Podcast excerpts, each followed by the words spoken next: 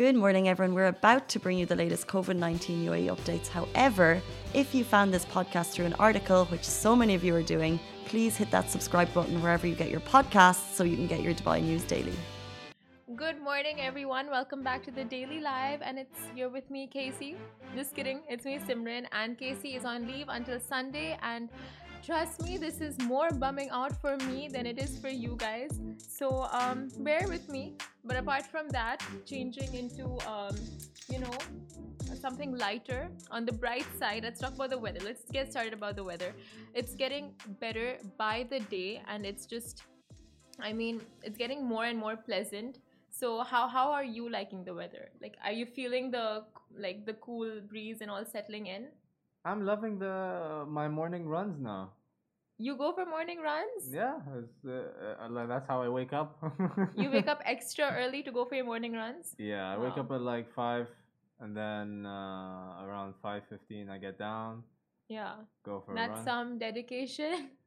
I could never like I wake up and I'm just like on social media and then I'm just like okay you know like five more minutes of five snooze? yeah five more minutes. I'm the five more minutes person. Next thing you know the two like types of people me and you. Polar opposites.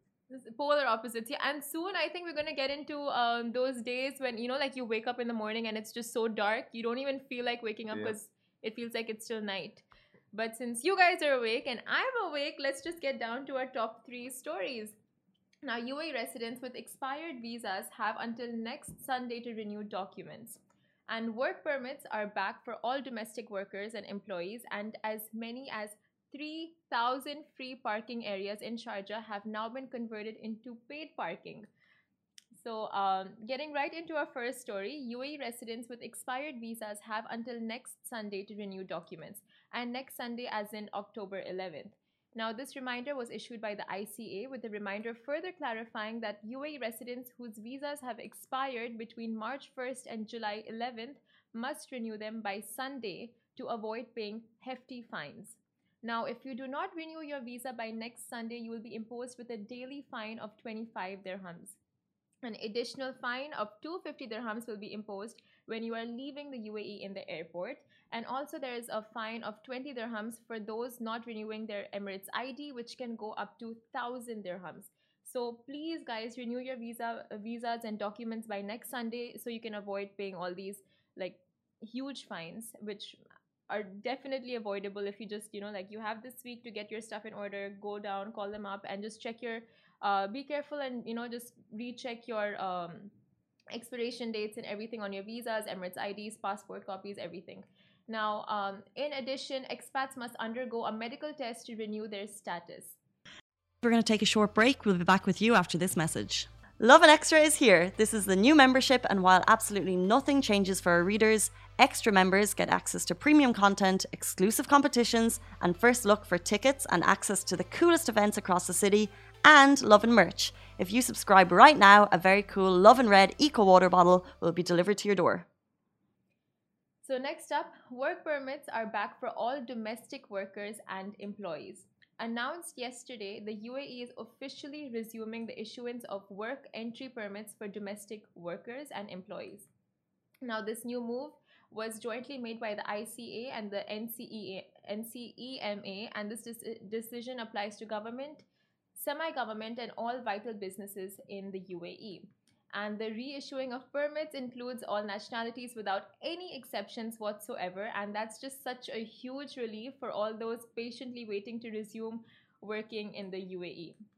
And lastly, this is kind of bittersweet. As many as 3,000 parking free parking areas in Sharjah have been converted into free into paid parking spots. Now, according to Sharjah municipality, this has been done to 2,992 uh, spots that were initially free and now have been turned into paid spots. Now, this change has come into effect in three parts of Sharjah. Movila, I, am not sure how to say it, Movila, uh, Al Nada, Al Taun, and these, uh, these three areas for now. And the move is aimed at preventing the misuse of spaces while taking into account the growing commercial and residential development in these, in these hoods. So now residents will find parking will find paid parking meters and signboards in uh in these uh in like in these spots that were initially free but are no longer free, and these um, parking meters also are now touch screens. So I mean that's something to look forward to. I feel like this is very bittersweet because we all love our free parking spots, and um, I mean like, what do you think of this news, Ali? That uh, all these places in Sharjah have been turned into like paid parking from free spots. Do you drive? Yeah, I drive. Um, well, they must have a purpose for it, like um, yeah yeah. They like, do like it's to restore order and like a system in these areas. Exactly. Yeah. Because i'm sure like you know when you just park here and there like there are lots of accidents cars blocking each other mm-hmm. and all of that. But i mean like we all love our free yeah parking. we all love like we all love free parking but there are benefits to benefits paid, yeah. paid parking. Uh, yeah. disadvantage of it we're paying pros but and like, cons. Yeah the uh, that's the only disadvantage yeah. advantage that we are paying. Apart from that there's nothing. Anyway in other news after two whole years Dubai Safari is now open to the public with a ton of new attractions. So that's probably something, you know, like uh, some a place you can head down to with the fam over the weekend and you know like look at all the new attractions, the animals and you know just take in the wildlife. So yeah, that's all for today and um, I will see you same time, same place tomorrow. Bye. Guys, that is a wrap for The Lovin Daily. We are back same time, same place every weekday morning. And of course, don't miss The Lovin Show every Tuesday where I chat with Dubai personalities. Don't forget to hit that subscribe button and have a great day.